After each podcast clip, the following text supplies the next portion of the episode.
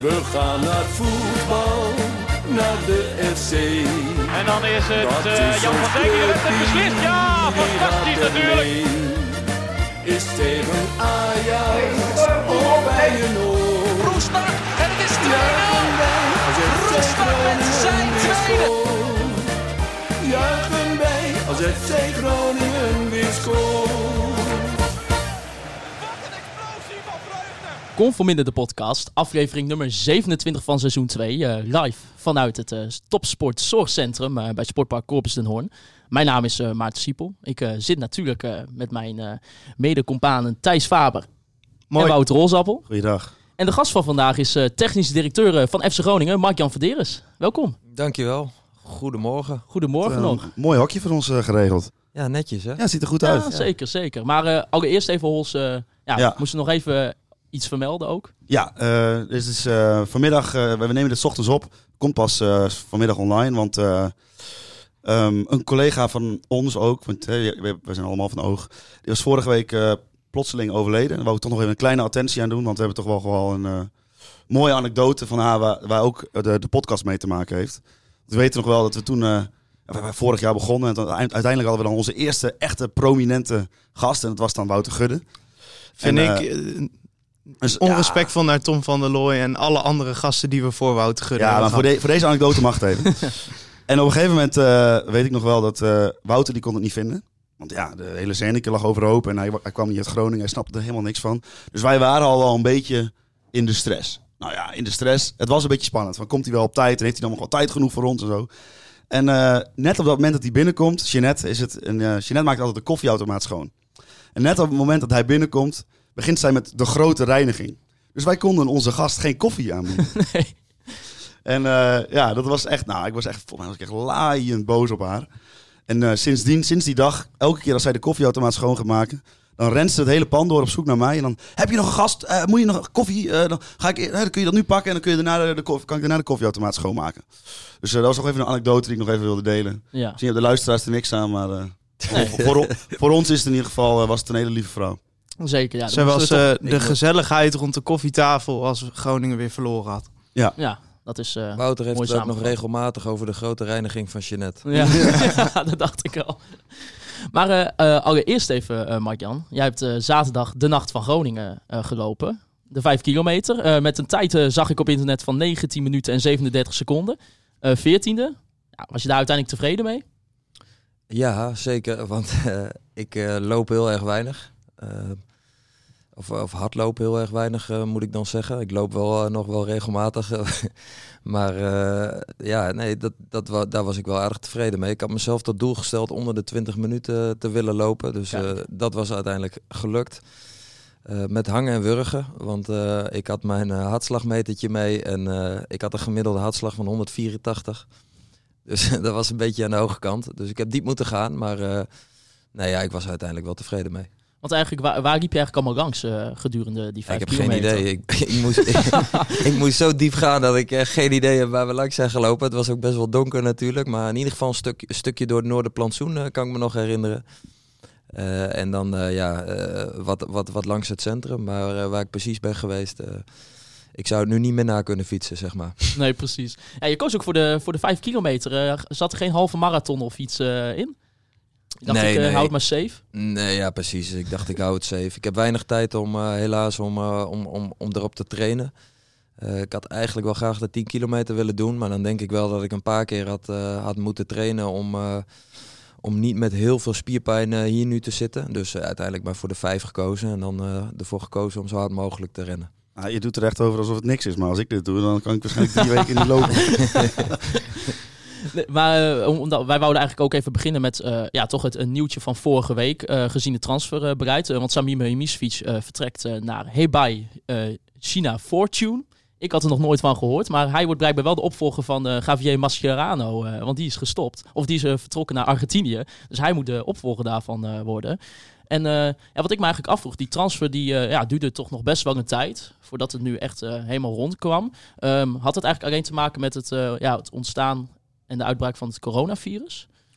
Eh, nou ja, dat was wel eh, een onderdeel daarvan. Ehm, alleen had het zeker niet alleen mee te maken. Het had ook gewoon te maken met ehm, nou ja, de onder, onderhandelingen, zeg maar, eh, die we voerden. En dat er nog steeds geen akkoord was. En dat ook het hele spel werd gespeeld met, met tussenpersonen. Dus wij hebben niet rechtstreeks ook met, met de mensen van die club gesproken. Zij hadden een, een, ja, intermediair zeg maar, ingehuurd. Een, eh, een, een Chinese man die voor hun de zaken mocht behartigen. En, ehm, eh, en, en, en die had dan weer een Nederlandse advocaat eh, eh, ingehuurd om, om met ons goed te kunnen communiceren. Dus ja, dat was best wel omslachtig. En ja, al met al heeft het inderdaad heel erg lang geduurd. Want ik denk dat de interesse al vanaf begin januari speelde. Nou ja, uiteindelijk heeft het dus twee maanden geduurd. Ja, dat was wel een heel lang proces. Ja, want eigenlijk was het volgens mij wel zo dat het voor Samir was het wel vrij duidelijk van... ik wil deze stap wel maken naar China toe.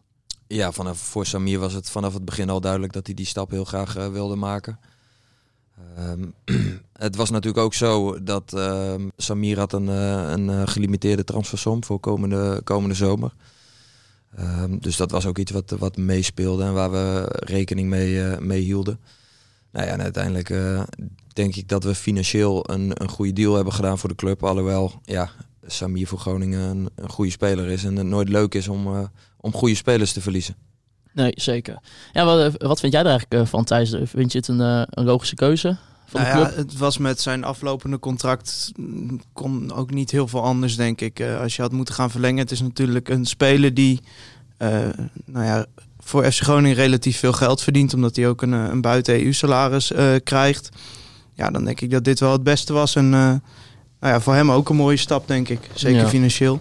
En was ook eigenlijk dit seizoen kwam ook mede natuurlijk door de, door de blessure, maar ook niet meer echt basisspeler in dat opzicht ook. Hè? Dus Nee, nou ja, ik, ik denk zelf dat dat vooral ook veel met die blessure had te maken. Want ik heb altijd een goede verdediger gevonden Zeker. voor Groningen. En, uh... ja, je hebt natuurlijk de, bent de luxe tegengekomen dat je een goede vervanger had. Ja, nee, klopt. Uh, ja, jongens, uh, Willem 2 FC Groningen. Uh, afgelopen vrijdag. Het werd 3-1 helaas. goals van Chain Nunnally, Pavlidis en Mats Keulert. Gelukkig scoorde nog wel Ahmed El Messaoudi voor ons de goal op een assist van Mo El Hankouri. Klaas-Jan Veen waarmee jullie ook het tripje maken. Daar wou ik straks even over beginnen. Maar allereerst Klaas-Jan TV vroeg... Um, ik zag Mark-Jan vrijdagavond zitten op de tribune en vrolijk keek hij niet. Wat stemde, wat stemde hem zo ongelukkig? Naast het feit dat we op, op het moment met 2-0 achter stonden. Met andere woorden, wat gaat er door een technische directeur heen als de ploeg op een natte vrijdagavond kansloos onderuit gaat in Tilburg? Een mooie, volledige vraag. Ja. nee, um, nou ja, vooral de teleurstelling over een 2-0 achterstand natuurlijk. Dat ging er vooral uh, door mij heen. En uh, ja, ik, ik zit echt, echt heel erg meelevend op, uh, op de tribune naar wedstrijden te kijken. Ik denk dat sommige mensen dat hebben kunnen zien. Ehm, na de, volgens mij de 2-0 tegen Sparta of de 0-2 tegen Sparta, waarin ik wel heel erg vrolijk was en blij. Um, nou ja, en nu dan, ja, dan baal je gewoon. En ik vond het ook heel onnodig. Ik vond ook dat wij zeker de eerste 20 minuten heel behoorlijk voetbalden. Beter waren ook dan Willem II. Um, alleen ja, in de laatste 20 meter naar het doel van de tegenstander toe, daar, moeten wij nog wel een stapje zetten. En um, ja, dan lukt het uiteindelijk niet om de juiste keuzes te maken. Ja, en dan kom je best wel uh, knullig eigenlijk ook uh, um, op achterstand. En geef je vrij snel die, die wedstrijd uit handen, terwijl dat in mijn beleving niet nodig was. Nee, want Wouter, die goals waren wel vrij makkelijk. Tenminste, twee ja, van de drie, het, twee van de drie denk ik. Het is uiteindelijk, uh, als je zeg maar het hele jaar bekijkt, dan is er één ding wat, waar, waar het Groningen heel goed in is. En dat is geen tegendoelpunt te krijgen. En dan, ja, weet je, dan stort dat soort van één wedstrijd in. Van mij kun je dan, ik, tenminste, ik bedenk dan meteen van, nou ja, liever drie keer uh, in één wedstrijd dat je dit uh, overkomt, dan dat je dat verspreid over het seizoen krijgt. Dus volgens mij moet je gewoon denken van, nou, je moet niet veel over terugdenken over zo'n wedstrijd. Dat was wel een leuk tripje trouwens. Ja, want uh, ja, het is toch weer denk ik het, het klassieke fenomeen. Uh, ja, dat de wedstrijd weer een uh, hinderlijke onderbreking was van verder een leuke dag, of niet thuis? Want, Zeker. Want geef, ja, vertel de mensen eens even over jullie, over jullie trip naar Tilburg. Ja, ja, we zijn toch stiekem buiten het uitsupporterbeleid omgegaan. Ik zie iemand mij aankijken. Nee, we zijn gewoon met de trein gegaan. We zaten lekker tussen de Tilburgers. Ja joh, was hartstikke gezellig. Met Tilburgers ook trouwens. Dus we zijn op uitnodiging van Tilburg meegegaan.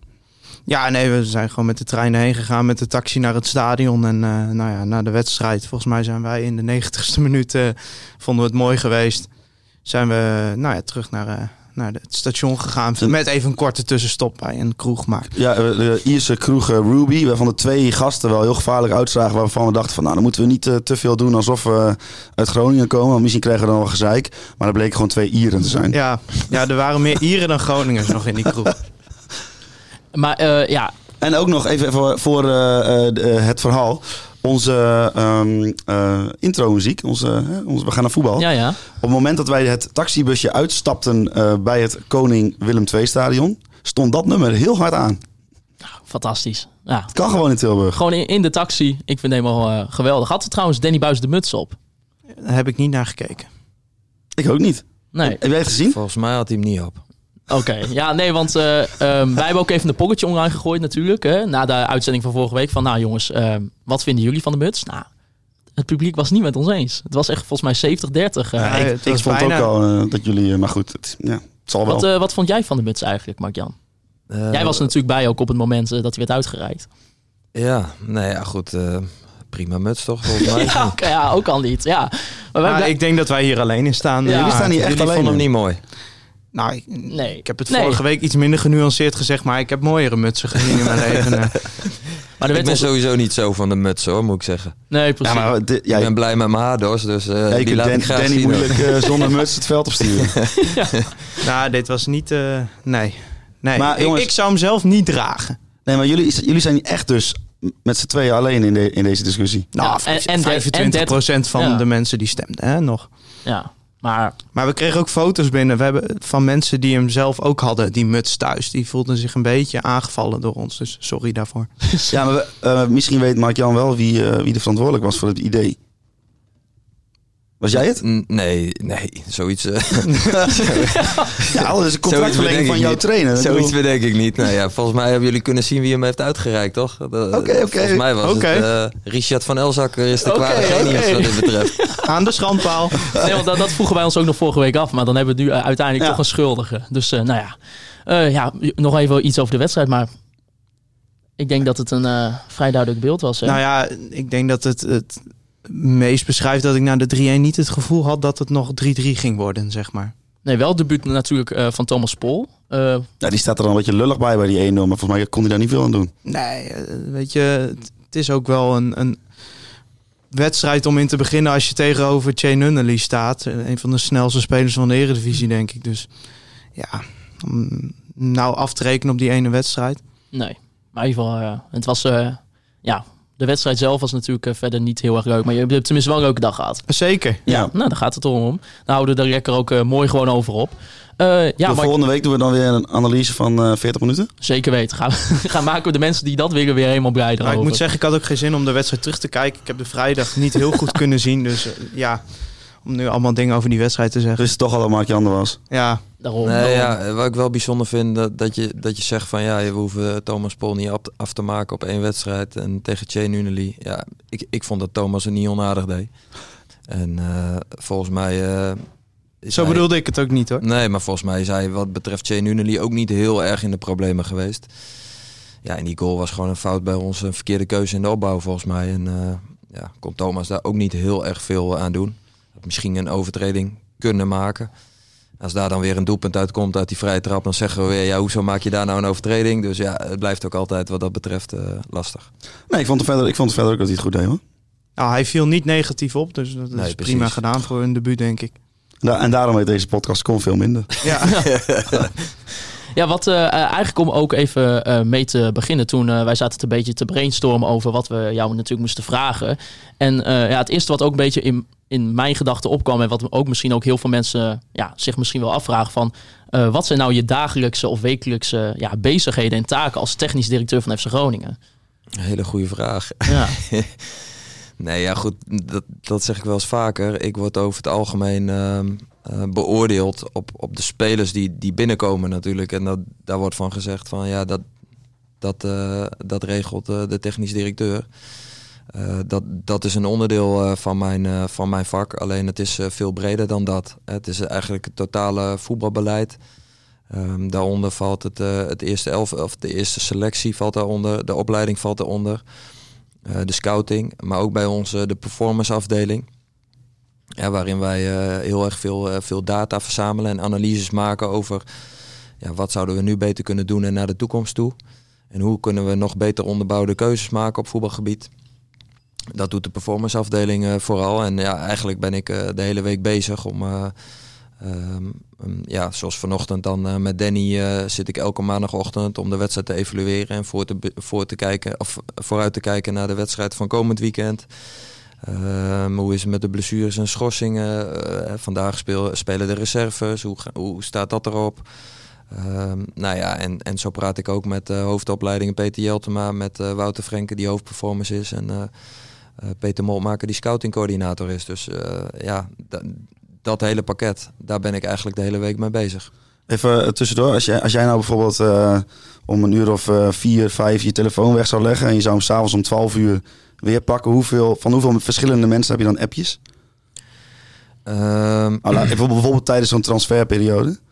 Nou ja, dat, dat is wel, vind ik wel echt een lastig onderdeel van mijn vak. Want als ik dat zou doen, dan eh, is de lijst helemaal eh, niet meer om door te komen. Ehm, dus dat betekent dat eh, eigenlijk bijna non-stop staat die telefoon aan. En dat is thuis, is dat ook wel eens een issue. Ehm, want ja, eh, mijn vrouw eh, die is daar niet altijd eh, even blij mee. en, en terecht, hè, want ja. Ja. ik heb ook twee kinderen. Dus ja, die, die, die, die moeten ook gewoon wat aandacht hebben. Dus eh, Ja, wij hadden het er net over van als wij gaan eten of zo, je legt je telefoon even weg en je pakt hem later weer. Dan hebben wij al zo'n lijst dat je gewoon denkt van in één keer alles weg, weet je wel. Maar dan als je technisch directeur bent, dan willen waarschijnlijk zoveel mensen willen wat van je. Ja, kijk, ja, hoeveel heb je nu? Oh hier, er zit al een beste Nou, het lijst. valt nog mee, het valt nog mee nu. Maar ik heb nog 77 mails en ik heb nog 100 144 apps, zie ik, die ik moet bekijken. Ja, ja, Ja, ik merk dat Ja. bij de, zoals bij de presentatie van eh, Danny Buis merk je dat dan, bij de contractverlenging, dat toch wel, zeg maar, mensen verzamelen zich heel makkelijk om jou heen. Omdat ze dan denken van, nou ja, is handig om met hem eh, contact te hou- houden of zo, want eh, die heeft nog een keer wat, eh, wat voor te zeggen. Dus dan merk je, ik, ik merkte persoonlijk heel erg van, mensen zijn echt op jou gericht. En dan misschien niet, om- omdat ze, misschien vinden ze ook wel heel aardig, dat kan ook hoor. En dat lijkt me sterk, maar Nee, dat viel mij zo op. Was ik een beetje van, ik zat een beetje van afstandje te kijken. Ik denk, nou, dat moet wel, dat moet je wel, moet je wel kunnen, denk ik. Dat als je ergens komt, dat mensen meteen wat van je willen. Ehm, ja, ja dat, dat, dat moet wel enigszins eh, bij je passen, denk ik. Ehm, nou ja, en, en, en dat is wel iets eigenlijk ook, eh, ja, wat ik net zeg, wat, wat, voor mij ook wel een ontwikkelpunt is.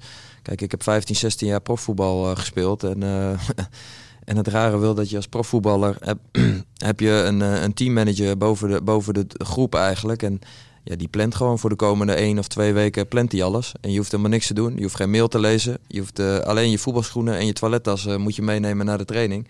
En voor de rest wordt eigenlijk alles zo goed als geregeld. Dus, dus van plannen eh, heb, heb ik 15, 16 jaar lang eh, heb, heb ik nooit eh, gehoord en ook nooit, bijna nooit over na hoeven denken. Ja, en nu, nu moet ik wel goed mijn tijd indelen, ja. Ja, het klinkt allemaal ja, heel hectisch, maar heb je ook wel echt gedurende bijvoorbeeld een jaar dan ook wel bijvoorbeeld dat je echt even een periode pauze kan hebben? Want bijvoorbeeld in de winter en in de zomer breekt natuurlijk altijd weer die transferperiode aan. Dus wa- wanneer zijn dan de momenten voor jou in een jaar dat, dat je echt even ja, gewoon weer ja, je, je hersenen op nul kan zetten, gewoon even kan relaxen? Ja, goede vraag. Vraag ik me ook nog steeds af.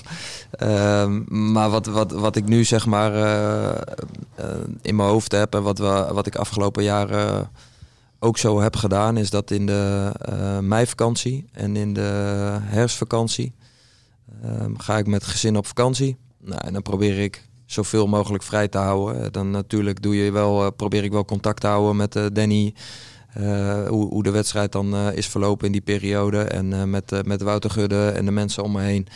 Die echt eh, dichtbij staan, zeg maar. Die probeer je wel eh, eh, goed contact eh, mee te houden. En dan ja, voor de rest zo, zo min mogelijk eh, te doen. En dat zijn dan wel periodes dat dat kan. Alleen ja, dan, dan mis ik ook dus weer eh, wedstrijden in de competitie. Ehm, ja, dus er is eigenlijk wat, wat mijn werk betreft niet echt een moment dat er helemaal niks te doen is of zo. eh, want in de winter en in de zomer, wat je terecht zegt, gaat het door. Dus in de zomervakantie kan ik in principe, vind ik niet met mijn gezin eh, rustig op vakantie gaan twee weken. Als de selectie nog niet helemaal rond is. Eh, nou, dat geldt eigenlijk ook voor de winterperiode. Dus ja, dan, dan, kom ik in mijn denkbeeld op eh, de, de meivakantie en de herfstvakantie uit. Was dat bij Heracles heel anders dan bij Groningen? Is het hier hectischer of valt dat wel mee, dat verschil? Mm, het is vooral eh, meer werk hier, omdat eh, ja, ik, ik heb zeg maar meer te managen. Ehm, bij Heracles had ik, eh, hadden we eigenlijk één, één team, hadden we één grote selectie. En de jeugdopleiding was samen met, met Twente, waarin Twente vooral leidend was. Dus het enige ja, waar ik me vooral mee bezig hield, was die 25 tot 28 spelers die, eh, ehm, die we moesten managen. En, eh, en zorgen dat die selectie op orde was. En dat, was, dat is wel anders dan hier. Want er was ook een luisteraarsvraag, eh, die kwam van Niels Span. Die vroeg van wat is de grootste verandering eh, waar je mee te maken hebt gehad eh, na je overstap naar de FC van Heracles. Is dat er dan? Wat je zo net Ja, vertelde? ja dat, dat is een onderdeel, maar ook gewoon dat je merkt dat deze club in alles veel groter is. Ehm, nou, net van tevoren hadden we het een beetje over. Hè? Dat, dat, ik vind het heel leuk dat hier een soort van community ook is die heel erg geïnteresseerd is in, in aan- en verkoopbeleid en eh, scouting en eh, eh, speelwijze. En eh, nou ja, goed, dat is hier allemaal veel meer en groter zeg maar dan, eh, dan eh, bij, bij Heracles. Dan merk je gewoon dat er eh, veel meer om, om de club heen speelt. En ook in de club. eh, veel meer te managen. En eh, ja, dat maakt, het, eh, dat maakt het zeker uitdagend. Ja, en, en een, nou, een perfect voorbeeld daarvan natuurlijk was het eh, hashtag eh, Freddy maakt me gek natuurlijk. Ja, Ja, hoe, kijk je daar nu weer op terug, nu we een aantal weken verder zijn? ja eh, eh, ludiek. ik vond het wel, eh, wel grappig. En, eh, Ja, jullie belden hem gewoon terwijl jullie aan het filmen waren en dat wist hij niet. wie, wie belden wij? Ja, en, eh, degene die die hashtag had bedacht, Jeffrey Noeken. Oké, oké. oké. Jij, jij belde hem met eh eh voor FC Groningen TV. Ja, Dat kun je je nog wel herinneren, toch? ja, ja. ja. Hij wist dat niet, dat jullie, dat jullie hem filmden. Oké, oh, dat wist hij niet. Nee. Nee, want hij appt ons daarna. Ik heb net eh, met de Vladeris gesproken. En toen zei ik, ja, hebben we gezien op eh, FC Groningen TV. ja, mooi. Ja, zo, Mooi. kwam, zo kwam hij erachter. Nee, ja, ja. Nee, ja, maar het was, was, was leuk en Ja, dat eh, is goed bedacht. En, eh, maar ja, dit, dat, dat zegt ook eh, veel over eh, ja, hoe deze club leeft, denk ik. eh, dat, eh, dat dat zo is opgepakt. Ja, het was ook wel voor het eerst in lange tijd dat Groningen weer een, eh, een deadline dag had waar er echt wat moest gebeuren, zeg maar. Dus ik denk dat dat ook wel eh groot aandeel erin heeft gehad. En natuurlijk dat wij een live show hebben gemaakt. hè. Ja. In, in Hooghout was dat toch? Ja, Ja, we hadden nog een spelerspresentatie Nee, gehoopt. ik, eh. ik, ik had ook eh, gedurende die dag had ik eigenlijk in mijn hoofd inderdaad dat, dat als er een speler binnen zou zijn of als er iets afgerond zou zijn, om dan eh, even bij jullie eh, langs te komen. dat was wel legendarisch Dat geworden. was wel leuk geweest. Ehm, maar ja, dat, dat, dat kan niet omdat voordat alle formaliteiten zijn afgerond, eh, ja, kan ik natuurlijk vanuit de club geen officiële Nou, wij zaten later bij RTV Noord. En toen hadden ze Deschamps Redan aan de lijn. En die bevestigde de transfer al. Terwijl Groningen Ja. niks had gecommuniceerd. Nee. Mooi. Mooi Ja. dat dat nog kan. Ja, mooi hè. Ja, vind ik Die wel. zat ja. gewoon in de auto van Berlijn naar Amsterdam. Daar begon niet mee met dat te zeggen. En toen zei ze, oh, het is dus al rond. Ja, ja, het is rond.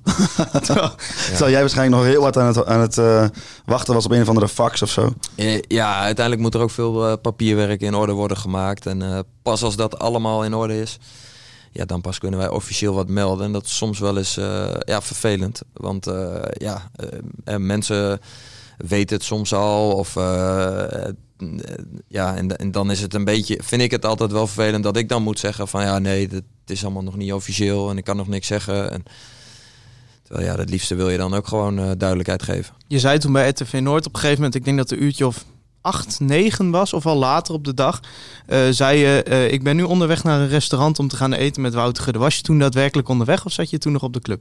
Nee, toen was ik inderdaad onderweg. Eh, en de laatste formaliteiten werden afgerond door eh uh, Mark-Jan Oddebandering, de operationeel directeur, en, eh, en Wim Mensingen, die ons eh, daarbij ondersteunt. Dus je hebt wel relaxed in het restaurant gezeten die avond? Ja, met de telefoon bij de hand. Ja, ja. ja, altijd hè. Ja, was, ja je, je bent nu toch, eh, nou, volgens mij pak een beetje een jaar onderweg. Eh, volgens mij was eh, het moment dat je werd gepresenteerd, was toch ook wel in maart of in januari al?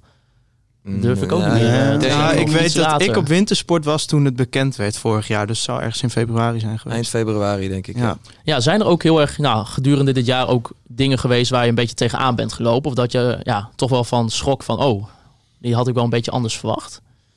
Ehm, poeh.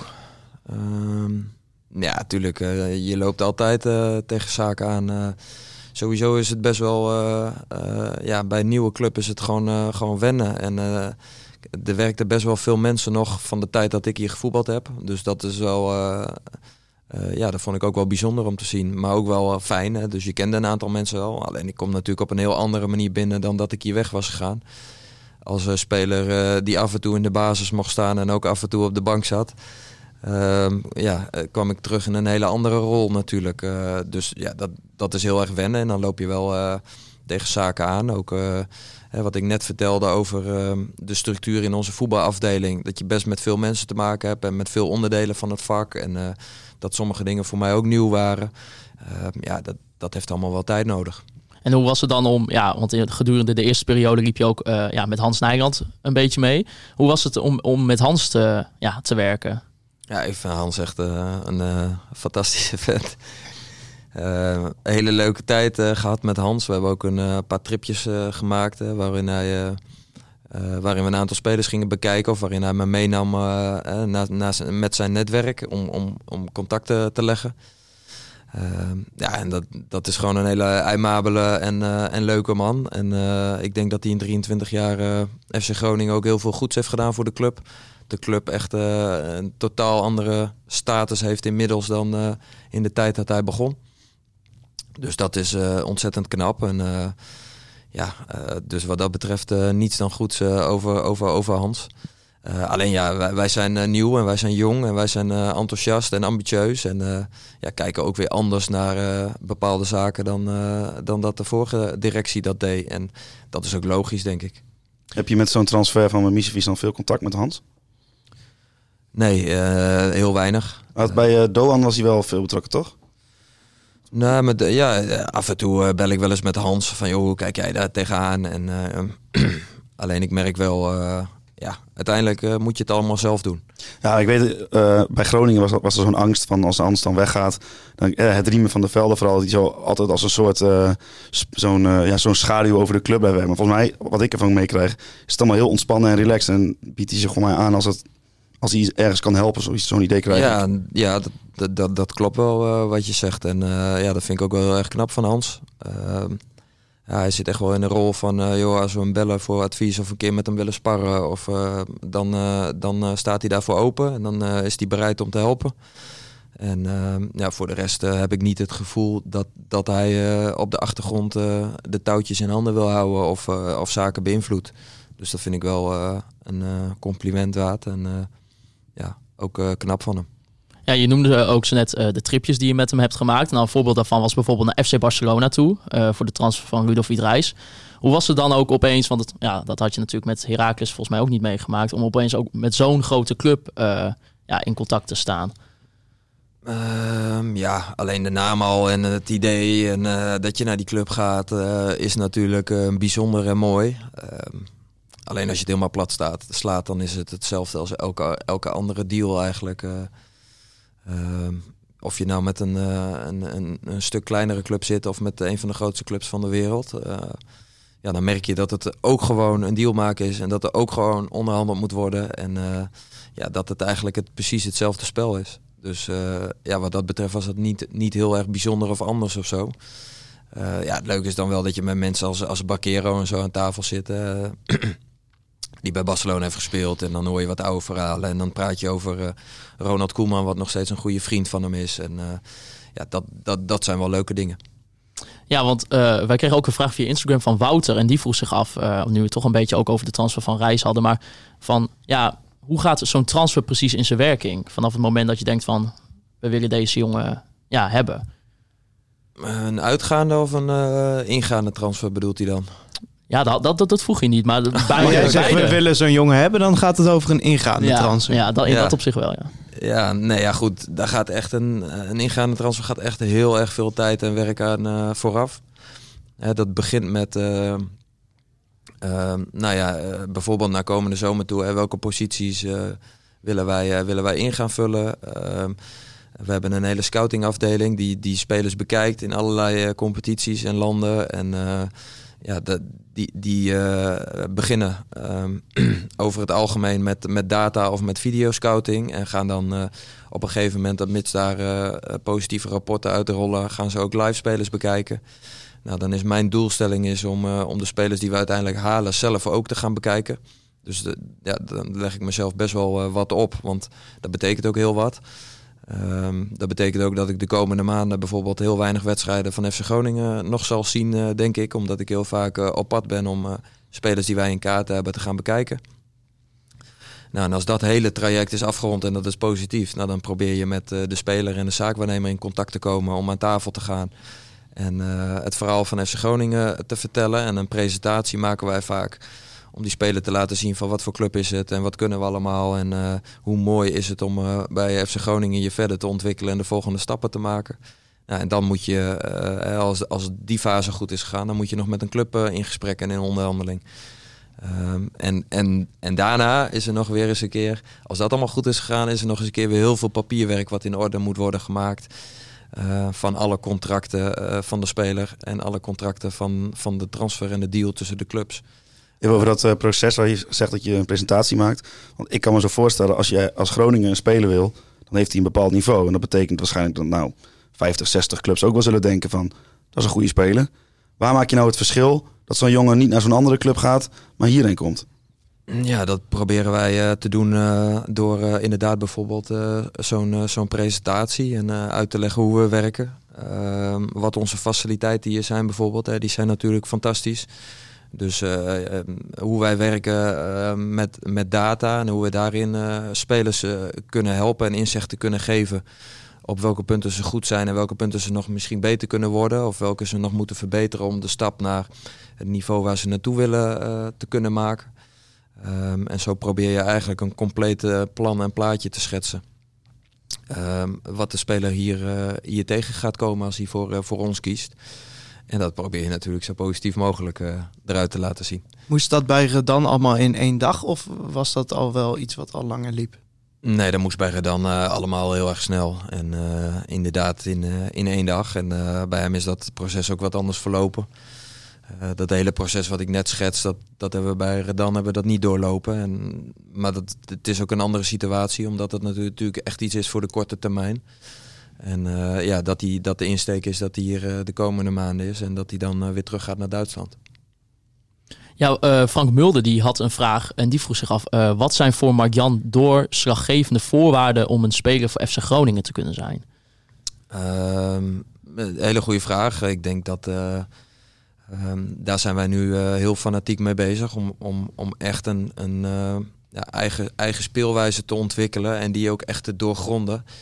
Wat eigenlijk een kapstok moet zijn voor, voor alle keuzes die we maken op, eh, op voetbalbeleid. Ik, heb dat, eh, ik ben eh, in het najaar twee dagen bij RB Leipzig geweest.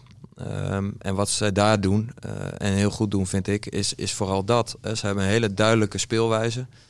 Ehm, en, en alle keuzes die ze maken, die passen binnen die speelwijze. Ehm, en dan heb ik het niet over hoe die club gerund wordt of dat Red Bull eh, daar eh, een belangrijke vinger in de pap heeft. Hè, wat heel veel supporters natuurlijk eh, niet leuk vinden om te horen. Nee, daar gaat het niet over. Het gaat echt puur over de speelwijze en, en hoe zij werken daar aan de ontwikkeling daarvan. En ehm, nou ja, als, als ik daarnaar kijk, dan denk ik dat bij Groningen ehm, dat, dat wel een stukje dynamiek past, een stukje strijd, eh, ehm, loopvermogen. ehm, nou ja, dat zijn wel ele- elementen die we mee- meenemen. Eh, mentaliteit, eh, daar proberen we ook eh, ehm, meer over te weten te komen aan de voorkant. Ehm, door, eh, door ook daar een plan voor te ontwikkelen over hoe kunnen we daar nou aan de voorkant in de scouting al meer over weten. Is nou iets concreets dat als je daar bent, dat je echt denkt van, wow, dit ga ik meenemen naar Groningen? Gewoon echt, dat je, dat je echt even iets kan noemen waarvan, je, waarvan mensen ook denken, oh ja, Ehm, nou, meer, meer de complete werkwijze. Ehm, dat je gewoon een, een heel duidelijk plan hebt en je houdt aan dat plan. En ehm, dat, eh, dat, dat, dat van spelers ook, eh, nou, wat, wat net ook wordt gevraagd terecht, bepaalde kenmerken eh, worden gevraagd bij die club. En, en als je niet die kenmerken bezit, dan kom je niet in beeld bij die club. Is er dan met de verlenging van Danny Buis en daarmee het, ja, het vertrouwen uitspreken in zijn speelwijze, is dat zeg maar al de eerste stap naar het ontwikkelen van die visie? Eh, ja, zeker. Dat is daar wel een, eh, een onderdeel van. Ehm, kijk, eh, allereerst, nou, dat, heb, dat heb ik allemaal uitgebreid verteld volgens mij bij de presentatie van Danny. iets met dat hij zich heel goed ontwikkeld heeft, toch? Ja, nee, absoluut. En hij is nog hartstikke jong, hij is hartstikke ambitieus. Hij werkt keihard. Ehm, en wat dat betreft heeft hij wel de aanpakkersmentaliteit die we hier volgens mij in Groningen graag, graag willen zien. Ehm, en, en hij staat ook voor eh, een bepaalde strijdwijze met een eh, stabiele defensieve organisatie over het algemeen. Ehm, nou ja, en we kunnen nog een stap zetten in, in, in het opbouwende en eh, aantrekkelijke voetbal wat we graag willen spelen. Met heel veel dynamiek en loopacties en lopende mensen. En, nou ja, en dat- wat uiteindelijk gaat leiden tot, tot doelpunten. Ehm, alleen we hebben daar met z'n allen wel een heel duidelijk idee bij, een doel voor ogen. En eh, ja, da- daar hoort Danny zeker bij. Ja, want Denk je dat eh, de huidige selectie daarbij aansluit? Bij die visie? Ehm, op, in grote gedeeltes wel. Eh, ja, en, en, en sommige punten zullen we ook naar komend seizoen toe. eh, zullen, we, zullen we nieuwe spelers moeten halen en zullen we versterkingen binnen moeten gaan halen. Want eh, je zegt dus dat er inderdaad aanvallend meer dynamiek wordt gevraagd. Maar het is natuurlijk wel eh, met de aanvallers die momenteel in huis zijn, heb je wel allemaal hele grillige spelers. Eh, nou is dat voor Groningen natuurlijk logisch met de, nou ja, als we reëel zijn met de financiële mogelijkheden die er zijn. Maar is dat dan waar je deze zomer de stappen wil gaan zetten in de aanval? Ehm, ja, onder andere. Eh, dat, is bijvoorbeeld ook in de verdediging loopt er ook heel wat weg. Dus daar zal ook eh, wat moeten gebeuren. Ehm, maar ja, eh, aanvallend eh, hebben wij wel, wel wat meer stootkracht nodig dan we de laatste tijd hebben. Ehm, ik denk dat het ook soms te maken heeft met de keuzes die wij maken in de laatste de- derde van het veld. Want die keuzes zijn vaak eh, slordig of rommelig of, of we maken een verkeerde beslissing. Dus daar kunnen we een stap in gaan zetten en daar werken we ook hard aan. Ehm, maar ik denk ook wel dat we wat extra stootkrachten voorin eh, eh, kunnen gebruiken. Ja, Sjoerd-Jan Gispen en Hugo van Leeuwen die vroegen ook van ja, het, scorende vermogen, dat is een beetje het probleem momenteel eh, binnen de selectie. Ja, waar ligt dat volgens jou aan dat het, dat het op die laatste 20 meter toch niet echt lukt? Ehm, nou ja, eigenlijk wat ik net zeg. De keuzes die wij maken in het laatste derde. En ehm, ja, dat heeft enigszins eh, misschien ook met, eh, met, met, met een stukje eh, kwaliteit te maken. Heeft enigszins ook te maken met eh, ja, het, het, het, het, het trainbaar maken en nog beter in worden en duidelijke afstemming hebben naar elkaar toe. Ehm, en, en het heeft ook te maken met misschien een stukje ervaring. En we hebben best wel veel jonge jongens voorin staan die zich nog kunnen ontwikkelen en zich ook zeker gaan ontwikkelen.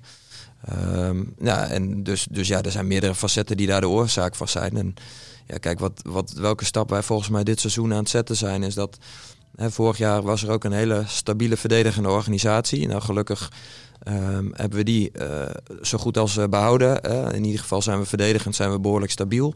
Geven we relatief weinig weg in wedstrijden. En, en ik vind dat wij heel erg een stap hebben gezet in, in hoe wij opbouwen. Eh, hoe wij een overtal proberen te creëren in de opbouw. Hoe wij door de eerste en tweede lijn van de tegenstander heen spelen. Ehm, hoeveel eh pases wij eh, eh, geven, goede pases die we geven. Ehm, daar hebben wij echt heel veel stappen in gezet.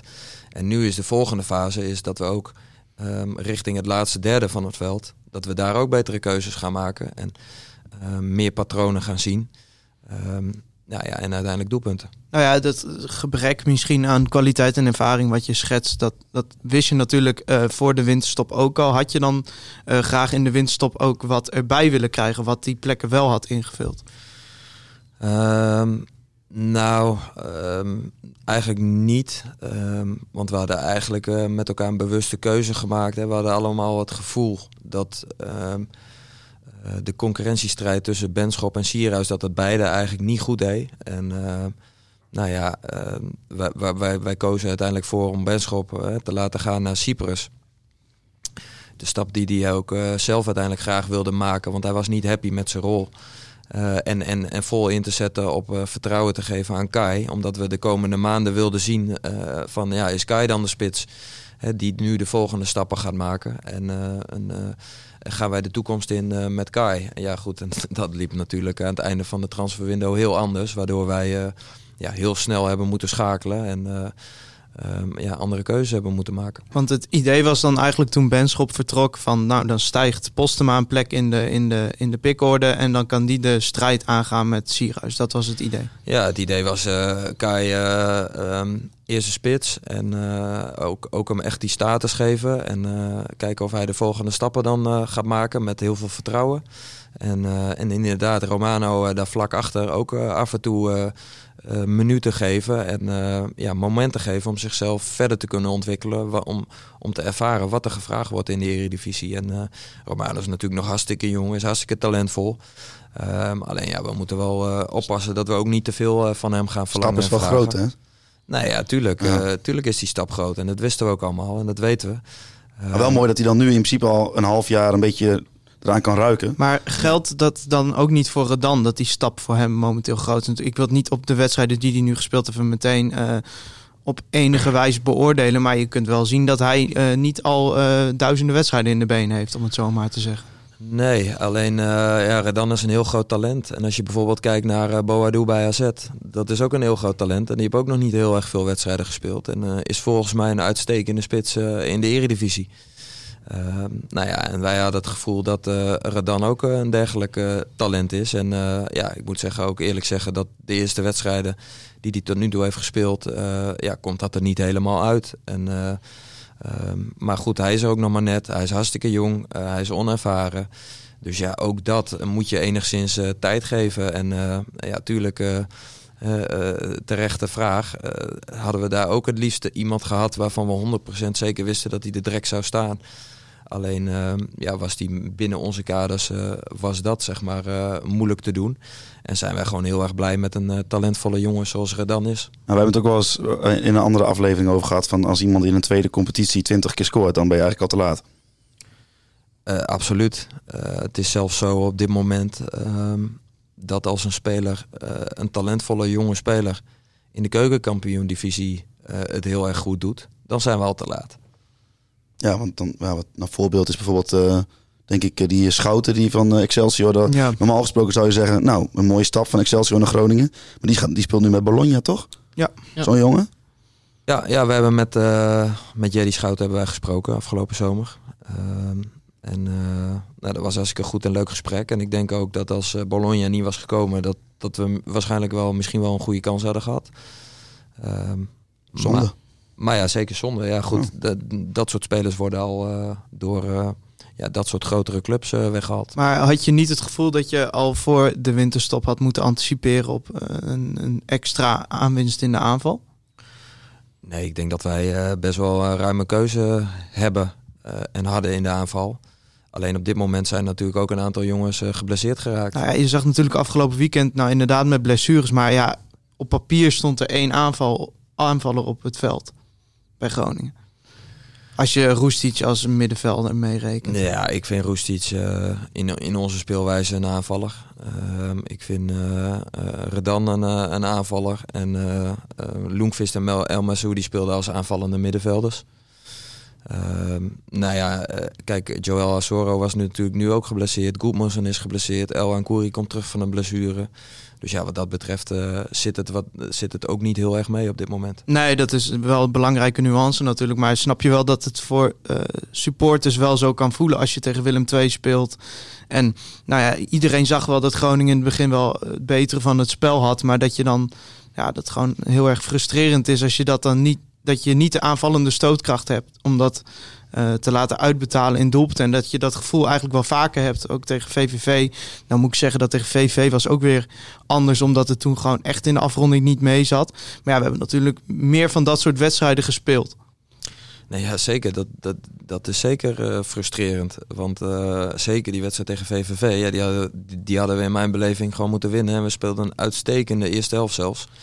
Ja, was echt leuk ook. Ja, Om- van, ja, ja, ik, leuk ik ben goed. het daarmee eens hoor. Maar ja, ja, het was heel leuk en goed. Alleen eh, uiteindelijk verlies je hem dan. En dan is het allemaal weer eh, ja, mineur natuurlijk. En terecht, dat, dat is de voetballerij. Zo werkt het.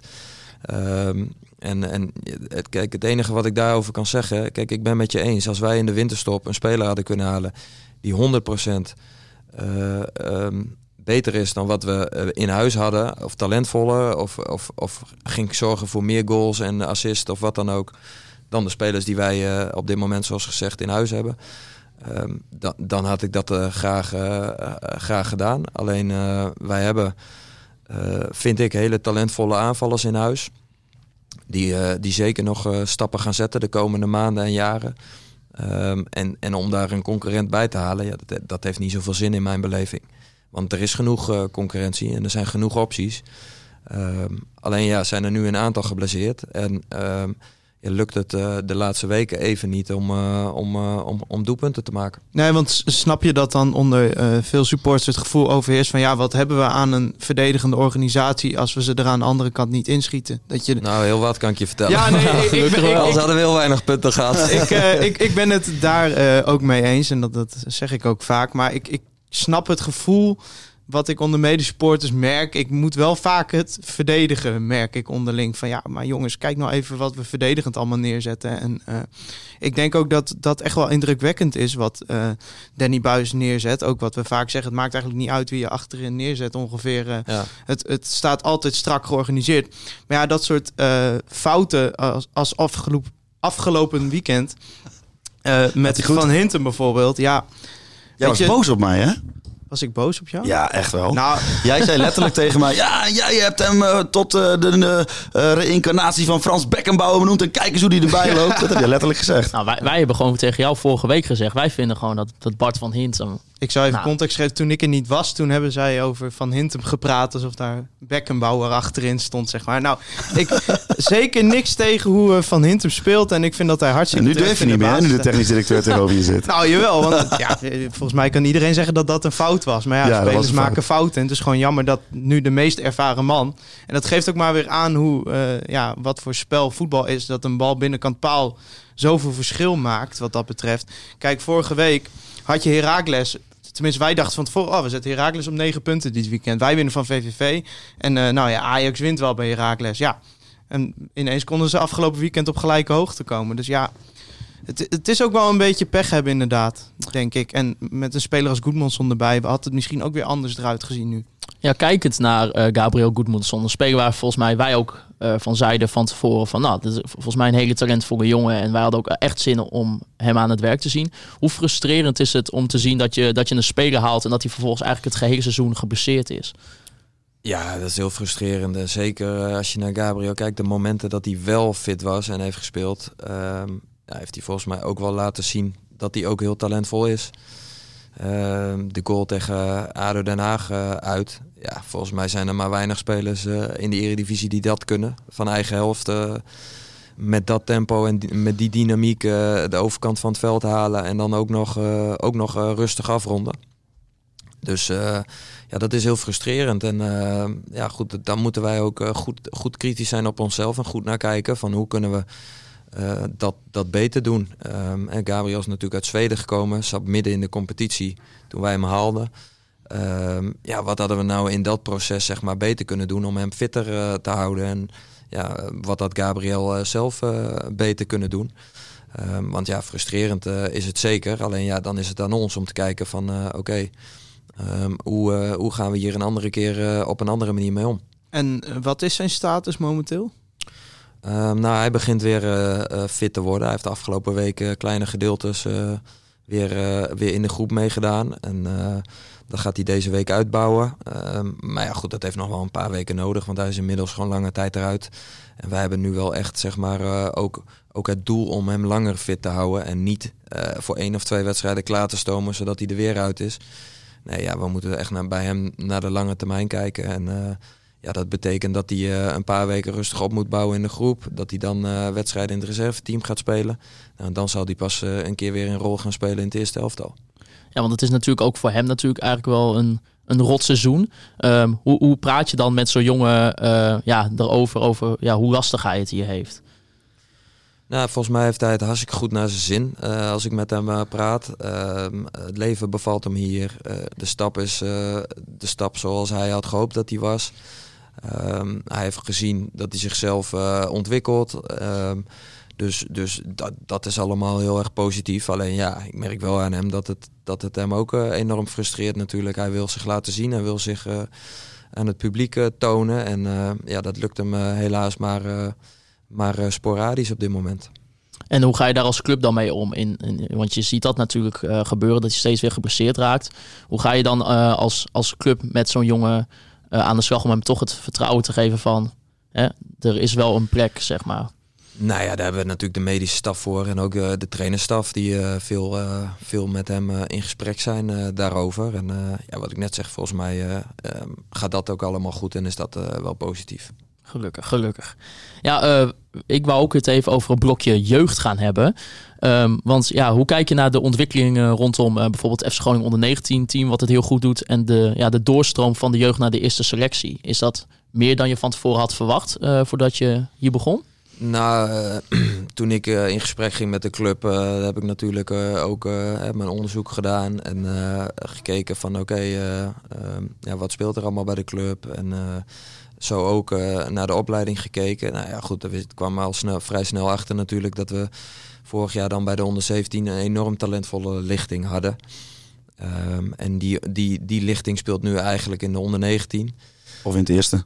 En een aantal heeft inderdaad al zijn debuut gemaakt in het eerste elftal. Dus dat is ontzettend mooi. Het is ook ons doel om, eh, om, om eigen opgeleide spelers in het eerste elftal te krijgen. Omdat ik denk ehm, dat dat ook heel erg belangrijk is voor de club om, en ook voor de supporters om zich te kunnen identificeren met spelers. Ehm, en en ja, dat dat ook het allermooiste is. Dat je uiteindelijk zelf spelers opleidt en, en die in je eerste krijgt. Dus eh, ja, da- daar zijn we heel blij mee met die ontwikkeling. Alleen eh, ja, vanochtend eh, had ik het alweer even met Peter Jeltema over. Van, ja, waar wij nu goed over na moeten denken is de volgende stap. Want die jongens hebben nu een debuut gemaakt.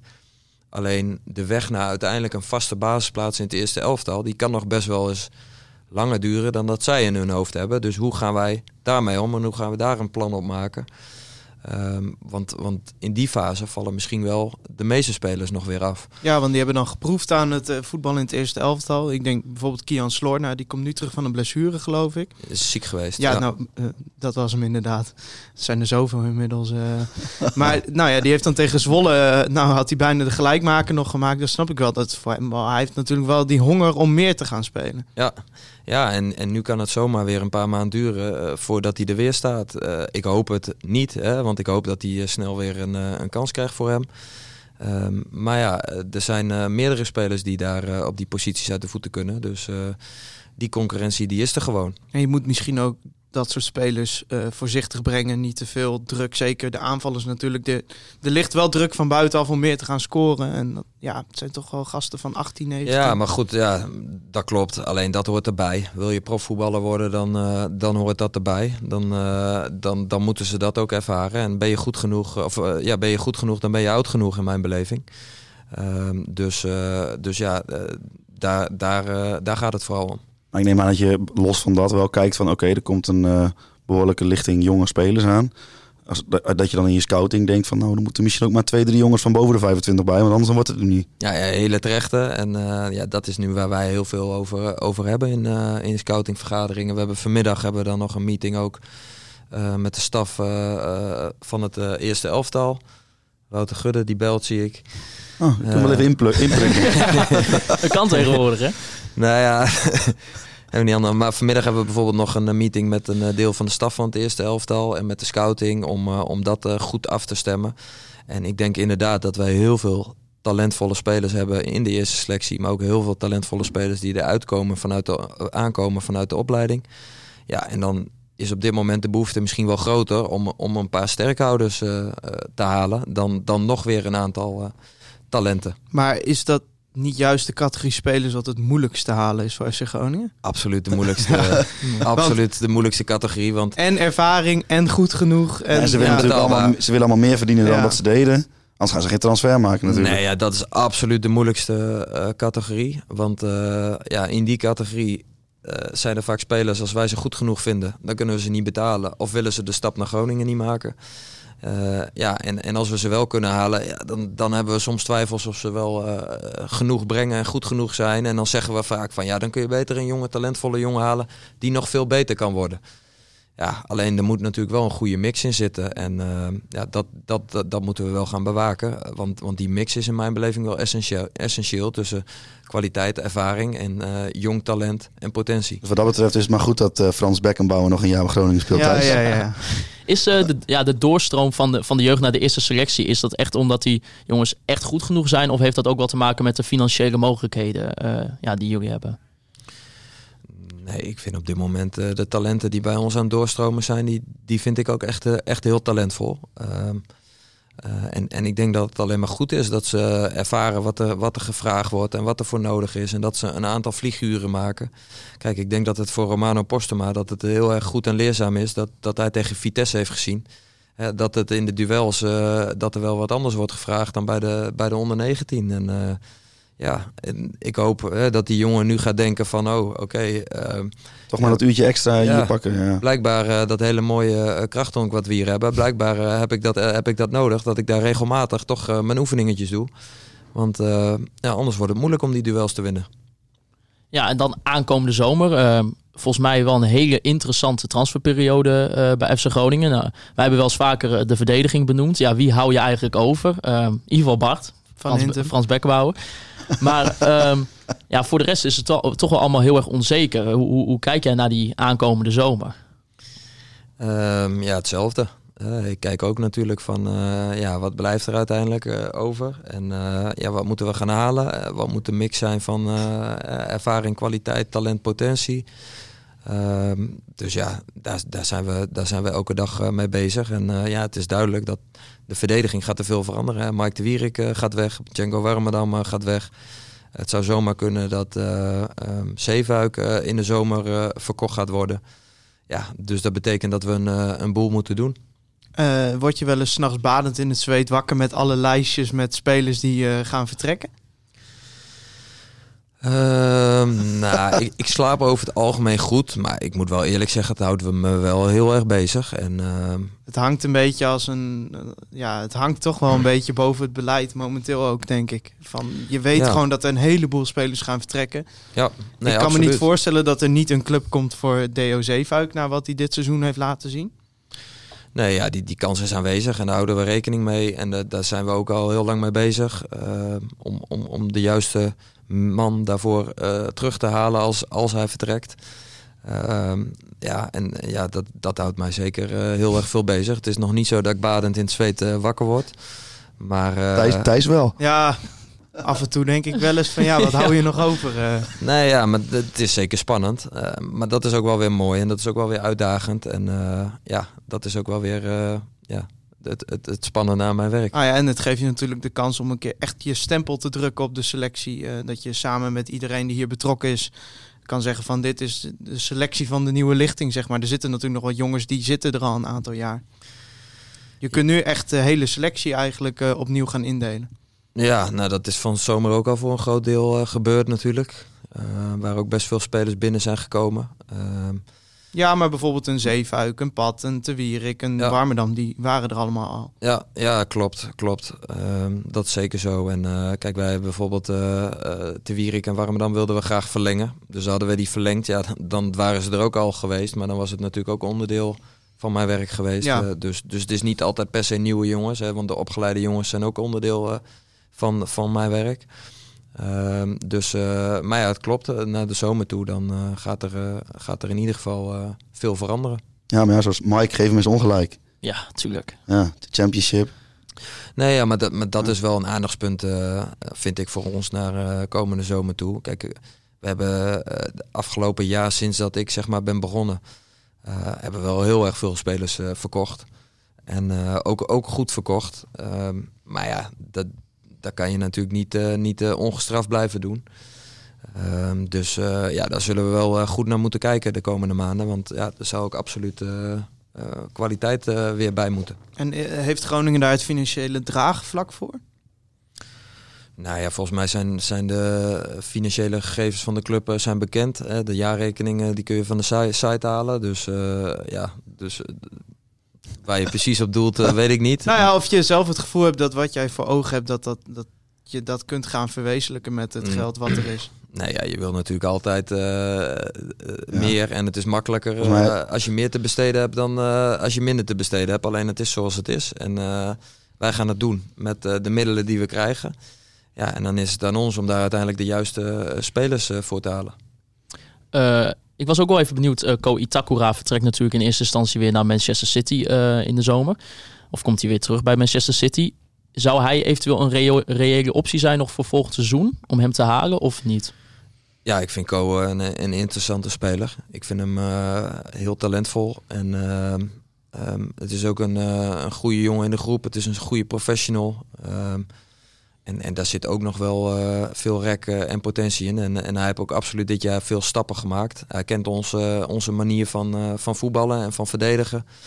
Ehm, dus eh, ja, wij zouden er wel voor openstaan om, eh, om Co langer in, eh, in Groningen te houden. Alleen ja, goed, daar heb je ook meerdere partijen voor nodig natuurlijk. En ook eh, lekker voor het eh, YouTube-kanaal in Japan natuurlijk. Nou, dat, dan moet ik zeggen, daar hou, hou ik geen rekening mee. Maar dat zou waarschijnlijk een mooie bijkomstigheid kunnen zijn. Ja, ik vind het altijd bijzonder als je eh, als, als Co speelt of niet. De meeste pers is voor Co. Ja. Ja, bizar hè? Ja. Ja. Staan ze met z'n zessen, staan ze nog... Als iedereen is al weg. Iedereen is al eh, aan het douchen. De pers is al weg. En dan staan er nog zes Japanners om Co heen. Ja, ja nee, ja, goed, dat, is, eh, dat is zeker zo. En eh, ja, het is eh, daar eh, heel erg in trek. En, en Co is ook een, eh een jeugdinternational Ja, natuurlijk, precies, ja. die, die meegaat, eh, zelfs al voor Japan nationale team heeft gespeeld. En ook meegaat, eh, is de bedoeling volgens mij eh, naar de Olympische Spelen in de komende, komende zomer. Dus ja, wat, eh, voor hun is dat een, eh, een interessante speler om te volgen. En voor Groningen zou het dan nog, nog een jaar huur zijn. Wat de optie is. Nou ja, er zijn meerdere opties. Eh, je, we zouden hem eventueel kunnen huren. We zouden hem misschien wel kunnen overnemen. Ehm, dus eh, ja, da- daar gaan wij naar kijken de komende Hij heeft periode. natuurlijk wel een, een buiten-EU-salaris. Eh, in hoeverre is daar ruimte voor? Nou, dat, dat ligt ook aan, eh, aan de constructie die wij, eh, die wij met elkaar overeenkomen. En als we bijvoorbeeld kijken naar eh, Joel Asoro, die heeft natuurlijk ook een, eh, die heeft een optie tot koop. Ehm, ja, hoe kijken jullie daar op dit moment naar? Ehm, nou ja, Joel eh, is een, eh, een, een, jonge, talentvolle speler. eh, die nu eh, bij ons veel vlieguren maakt en, eh, en zich, eh, zich ontwikkelt. Ehm, aan het begin eh, ging dat heel erg snel. Eh, daarna vind ik wel, heeft hij een wat, wat mindere fase gehad. Ehm, en en eh, voor, voor zijn blessure dan hè, tegen Sparta bijvoorbeeld eh, was hij weer, eh, weer heel erg belangrijk. En speelde die vond ik ook een goede wedstrijd.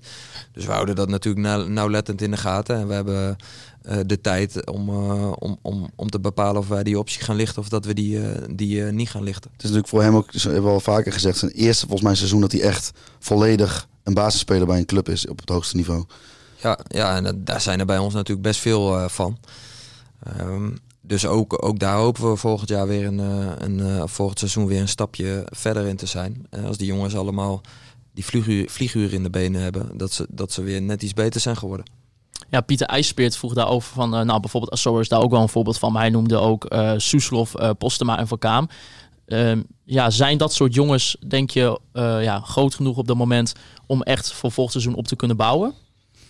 Ehm, nou, dat zijn zeker eh, talentvolle spelers. Ehm, alleen, ja, die jongens hebben ook jongens om zich heen nodig. eh, die weten wat er gevraagd wordt. En eh, ehm, ja, ik denk wel dat die gebaat zijn ook bij spelers met, met, met, een, stukje ervaring. Dus dat is ook iets waar wij, waar wij naar kijken. Maar dat die jongens talent hebben om, om bij FC Groningen een eredivisiewaardig speler te kunnen zijn. dat, dat, dat, dat denk ik wel. Ferdinand eh, had ook nog een, eh, een vraag daarover. Die vroeg, eh, nou, of niet per se daarover, maar die vroeg ja, van wanneer vindt Mark Jan dat we hem kunnen beoordelen op zijn functioneren? Dat duurt tien jaar. Tien jaar. Nee, ja goed. Kijk, dat was wel, wel mooi om, om dan een, een voorbeeld aan te halen. Vorig jaar bij Heracles werd ik in de winterstop gevraagd bij RTV Oost, was het geloof ik. Ehm, en eh, nou, daar, daar kwamen ze ook met, eh, wilden ze de aankopen langs de meetlat leggen. Ja. En eh, toen had, bekroop mij direct al het gevoel van, ja, hoe kun je nou na een half jaar aankopen langs de meetlat leggen? Zeker als je ook nog een aantal jonge jongens hebt gehaald. Nou, daar werd ook, kwam ook Lennart Sibora kwam bijvoorbeeld voorbij, de linksback. Ja, geen rol gespeeld en ja, speelt in de in tweede en ook niet altijd goed. En nee, ja, dat, dat is geen goede aankoop. En, Ja. nou ja, toen zei ik ook van ja jongens, eh, waar hebben we het over? Heb Die je ze jongen- nog even opgebeld deze winter? Nee, nee, nee, nee, nee, nee. Nee, ik benoem het nu wel, dat doe ik dan wel. Ja, ja. Maar, eh, maar ja, toen zei ik ook van, eh joh, die jongen komt van Schalke onder 19. Ja, die jongen komt in een nieuw land, nieuwe cultuur, is 19 jaar. eh, ja, dat heeft tijd nodig om zich te ontwikkelen. En eh, hij heeft volgens mij alle fysieke voorwaarden en, en voetbalvaardigheden om, eh, om die stap te maken. En eh, ja, vraag mij over een jaar of over anderhalf jaar nog eens een keer hoe die jongen ervoor staat. Nou goed, Ehm, die Hebben ze dat ook gedaan? Of, eh? dat hebben ze niet gedaan, eh, want ik ben natuurlijk inmiddels hier. Dus die interesse die, die is er niet meer. Ehm, alleen ja, dat heeft tijd nodig, denk ik, om, om, om dit werk te kunnen beoordelen. En ja, er zijn best wel veel jonge, talentvolle spelers gekomen afgelopen zomer. Ja, en, en, en dat heeft tijd nodig voordat we kunnen zeggen of die geslaagd zijn of niet geslaagd zijn. En dat kun je niet na een half jaar of na een jaar zeggen in mijn beleving. Heb je trouwens het gevoel dat je eh, op een vervelende manier bent weggegaan bij Heracles? Ehm, nee, niet, niet, zeker niet op een vervelende manier. Volgens mij met, met open vizier en ehm, eh, is dat ook allemaal eh, netjes gegaan. Alleen ja, het voelt ergens wel, eh, ehm, ja, ergens wel eh, vervelend, zeg maar, dat, eh, dat dat best wel snel is gegaan. En dat ze daar, mij daar een hele mooie kans hebben gegeven. En eh, ja, dat ik best snel uiteindelijk de stap heb gezet naar, naar, een, naar een volgende club die ik heel erg graag wilde maken. En, en ook vooral omdat ik ja, hier heel erg veel kansen en potentie zie bij FC Groningen. We hebben een heel groot, groot marktgebied. Ehm, deze club leeft in alle geledingen. Nou, daar hebben we het net, eh, net ook al eh, over gehad. Ehm, ja, en ik denk dat er heel veel eh, potentie is om, om hier stappen te zetten en verder te groeien. En ja, vandaar dat ik die keuze heb gemaakt. En ja, natuurlijk vonden de mensen dat niet leuk in, in Almelo in, en de omgeving. En dat begrijp ik ook heel goed.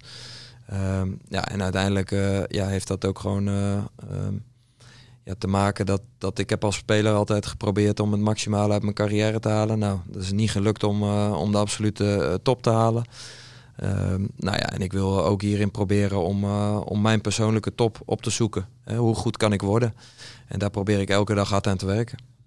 Nou, wij hebben trouwens over dat moment van die overgang hebben wij natuurlijk. Wij hebben twee vrienden op onze studie die, eh, die zijn voor Heracles Almelo. Ja. Hebben wij op het moment ehm, dat je, ik weet niet in welk interview zijn, maar van toen FC Groningen belde, toen begon mijn hart sneller met kloppen. Ja, Die is vaak in onze WhatsApp-groep eh, t- voorbij gekomen. voorbij gekomen erover. Dus ja, fantastisch. Want, wat? Nou ja, Ah, die, die waren, om dat er even in te Die wrijven. maken, hè? toch, Dat, die, eh, dat- die maken ook de Heracles podcast. ja, ja, ja. die waren toch een beetje teleurgesteld dat je, dat je vertrok. Die eh, eh, lopen altijd grappig te doen dat ze sinds wij hun kennen altijd boven. Zij hebben altijd boven Groningen gestaan. Dat is nu ook niet meer zo. Maar eh, Nou, laten we niet te vroeg. Nee. Hè? want het is nog maar twee punten immers, hè? Ja, want zondag, uh, Thijs, jouw verjaardag. En FC Groningen PSV. ja, ja, dubbel feest, denk Ja. ik, hoop ik. Ja, ik... ik eh, is het, om, het is, is het om kwart voor vijf kwart voor vijf. Ja. Oh, ik wilde daarna uit eten. Straks even mijn moeder bellen. Ja, ja dat, dat wordt in ieder geval niet. Ja, want eh, dat wordt natuurlijk jouw verjaardag. eh. Dat wordt ook 11 uur Waterloo Bar natuurlijk. Show, nou. Dan wordt één groot feest in het een- stadion. Dan wordt het een leuke verjaardag. Ja, gewoon. precies, precies. Ja, en natuurlijk de terugkeer van eh, Ernest Faber. Ja, overigens geen familie. Nee, dat wordt nog wel eens vaak ik bedoeld, of dat even- jouw vader zou zijn. Nee, maar dat nee, is... eh, nee. En ik ben er niet, hè? nee, jij Nee. bent er niet. Ik, jullie mogen volgende week zonder mij ook. Veel plezier. Want eh, vertel even, waarom ben Ik je ga niet? eh, naar Oostenrijk. Even wat corona ophalen. Oké, nou. nou. Nee, maar ik ga lekker skiën. Ja, Thijs man. vorige week gedaan heeft. Ja. Après-skiën, bedoel je? Nou, dat kan Nou, bij ons ook wel. Geloof ja, mij maar. jawel, maar eh, ik ga met eh, m- mijn ouders en mijn Ik zussen ik en heb met dit mijn weekend kleine een nichtjes aantal en zo. feestjes met hem Oké. gehad. eh. Nee, dan het blijft meestal wel beschaafd. eh. Oké. maar ja, Nou, Ik, veel, veel plezier. ja, bedankt. En maar wat dat, voor mij komt kwart voor vijf mooi uit. Want dan zit ik inderdaad net eh, uitgeput na een dag skiën. Telefoontje. Wedstrijdje kijken. Kost wel veel eh, 4G hoor. Denk Ja. ik. Via- zeker via de Fox-app in hoge kwaliteit. Daar heeft, Thij- daar heeft Thijs een hele bundel Ik eh, aan de opgemaakt. telefoonrekening van Sparta Groningen nog niet binnen. Nee, dat scheelt weer. Ja, maar ja, P- PSV. ehm, ja, laten we het nog heel even kort. Want we zijn volgens mij nu al hoe lang bezig? Een uur en acht. Een uur en acht minuten. Ja, dan zijn, Dan, dan, krijgen we weer recensie. dan zijn de mensen alweer al Ja. lang afgehaakt. Maar Dat snap ik ook wel. Hoor. Ja, dat vertel mij wat. Maar wij zeggen altijd van, eh, je kunt hem even op pauze zetten. hè. Dat is het fijne aan de podcast. En dan de dag daarna kan je gewoon de rest, eh, de voor rest ons ook weer luisteren. twee streams in plaats van één. Dus Precies, dus dat zijn wij ook weer heel erg blij mee. Ja, zullen we dan eh, gewoon niet langer gewoon een voorspelling doen? Thijs, wat wordt... eh, je wil FC niet voorbeschouwen. Nee, Oké, nou, wat moet je erover zeggen dan? 1-0? Oké, het wordt 1 of voor FC Groningen. Doelpunt. Ja. ja ik eh Redan. Oh. Ja, ik ga het elke week zeggen totdat het een keer gaat lukken. Hopelijk. Wouter. Eh, dan doe ik mee, alleen dan andersom. 1-1 wordt het. En eh, het wordt Postema. Saai, saai. Mark Jan, wat wordt Moet FC ik nou echt Groningen een voorspelling eh, geven? Ja, ja, ja, het- ja. Eh, we- het, het is natuurlijk geen voorspelling. je Ja, mag er een ik- disclaimer bij doen. Het zou mooi zijn als Mark Jan gewoon 0-3 eh, zegt. Wij gaan natuurlijk voor de winst. Dus eh, tot nu toe doen we het thuis goed tegen topteams. Zeker. Dus eh, laten we die lijn eh, doortrekken. Ik, ja, ik bedoel, ik kan mij Ajax nog wel herinneren. En eh, de mensen weten thuis wel volgens mij hoe ik daarop reageerde toen het 2-0 eh, werd. Dat, zou, dat filmpje zou je eens even moeten bekijken. Ja, ja, ja, ja. Maar eh, geen, je gaat geen uitslag noemen. Nee, geen uitslag. Ah, Dat is vervelend, hè? Toch die- jammer. Ja, hij weet ook waarom. En dan wordt hij er weer op teruggepakt. Ja, ja, ja. Dus, eh, Kop, Mark-Jan Flederis. Groningen wint met 3-0 ja van als PSV. het ja. dan 0-4 wordt zondag, dan Ah, ja. eh, zo Al- werkt het ook aldoen- wel weer. Aldoende? Hij kan, hij kan niet eens lekker juichen als Groningen de 2-0 maakt. Of hij heeft alweer een camera op zijn Ja. hoofd staan. Ja, dat is wel ik, heftig. snap het wel. Dat is best Wel heel triest eigenlijk. Wel Ja. heel leuk trouwens dat ze toen een keer bij Fox eh, jouw zoon en die van Wouter Gudde in beeld namen. Ja, terwijl ze het niet wisten. Ja, dat vind ik mooi, ja. ja, grappig. Dat kunnen ze beter doen dan... eh dat is Maar leuk, het eigenlijk Ja. vrijdag hadden ze ook even een camera naar de 2-0 eh, op jullie moeten zetten. Dat, had- dat hebben ze volgens mij ook gedaan, want ik kreeg al appjes van je zag er nu niet zo blij dat, uit. dat had ik graag willen terugzien. eh. Nou, daar eh, gaan we hem denk ik eh, mee afronden. Eh, allereerst, Mark-Jan, bedankt Graag dat je de gedaan. gast wil zijn bij ons in de podcast. Krijg ik ook nog zo'n mooie oorkonde trouwens, die Wouter Gudde op zijn kantoor Nou, nee, maar jij, jij hebt hier al gevoetbald. Jij bent toch al ingeburgerd? Nee, ja, Kijk. dat, eh, Wouter die kwam heel trots met zo'n oorkonde en die hangt op zijn kantoor. En, eh, ik zei, ja, ik word nooit uitgenodigd door die gasten. Nee, dit is wel een ding. Wij hebben dit besproken eh, vooraf. Van, ja, de wij hebben ook een oorkonde bij eh Wout Gudde gedaan. Maar toen kwamen we toch, ja, je bent hier al geweest. Ja, Als, al, bij FC Groningen als speler. Maar hier bij deze podcast zijn, dat voelt wel als een soort van ontgroening hoor. Oké, nou dan, dan, dan, nog beloof, dan beloof Ja, ik hierbij. Nee, ik heb het Er- bestand namelijk nog wel. Dan Er zorg komt ik nog ervoor. ergens een. Die, ga ik, eh, die kan ik vanmiddag nog gaan uitprinten. En dan zorgen we nog wel via via dat hij, eh, dat hij op het kantoor terechtkomt. Eh da- wij zijn ook weer niet de Met een mooie muts erbij. Dus met de mooie muts erbij inderdaad. Gaan we dat eh, even allemaal regelen. Eh, ik wil natuurlijk ook nog even FC Groningen bedanken. Want volgens mij heb jij het via Richard eh Nee hoor. Nee, hoor. Oh, helemaal op gewoon... Nee. eh, oh, nou dan... eh, ja. Nee, Richard, die Nee, weet hier ik- niks van, dus je zal straks wel weer boos zijn op mij. denk ik. ja. Ja, die, nee, eh, die had, eh, ehm, hij zei, ik had op zijn privé-nummer, ik weet ook niet hoe ik daaraan kwam. Maar toen kreeg ik in één keer een appje van, ja, app maar niet op dit nummer, want daar kijk ik nooit op. Nee, ja, ja, het klopt. Ik heb twee telefoons en eh, mijn hele carrière heb ik hetzelfde nummer gehad. En dat is nu mijn privé-nummer. Ah. En ik heb mijn eh, zakelijke telefoon eh, heb ik bij me. Maar eh, ja, het werkt ook eigenlijk voor geen meter. Want die, heel veel mensen hebben nog dat privé-nummer, maar die vergeet ik al helemaal te beantwoorden. Ja, precies, ja. Heb je niet gewoon een assistent nodig? Het liefst wel, alleen eh, ja, dat, dat kost weer een goede speler misschien. Hè? Ja, dat kost ja, ook ja, ja. geld. Dus ja, dan maar liever eh, die goede speler en geen assistent. Misschien kunnen die spelers in die uurtjes dat ze niet trainen jou wel helpen. Ja, ik weet niet of dat zo... eh, Nee, laat zou het gewoon is opnemen. Ik zou het gewoon opnemen in de contractonderhandeling. Nee, nou. Want dan komen ze met elf spelers is genoeg, joh. Want eh, die willen geen concurrentie. Nou, dan eh, bedank ik FC Groningen niet. Eh, dan bedank ik wel nog even het Topsport Zorgcentrum natuurlijk eh, voor de, ja, deze prachtige locatie waar wij hier hebben zitten opnemen.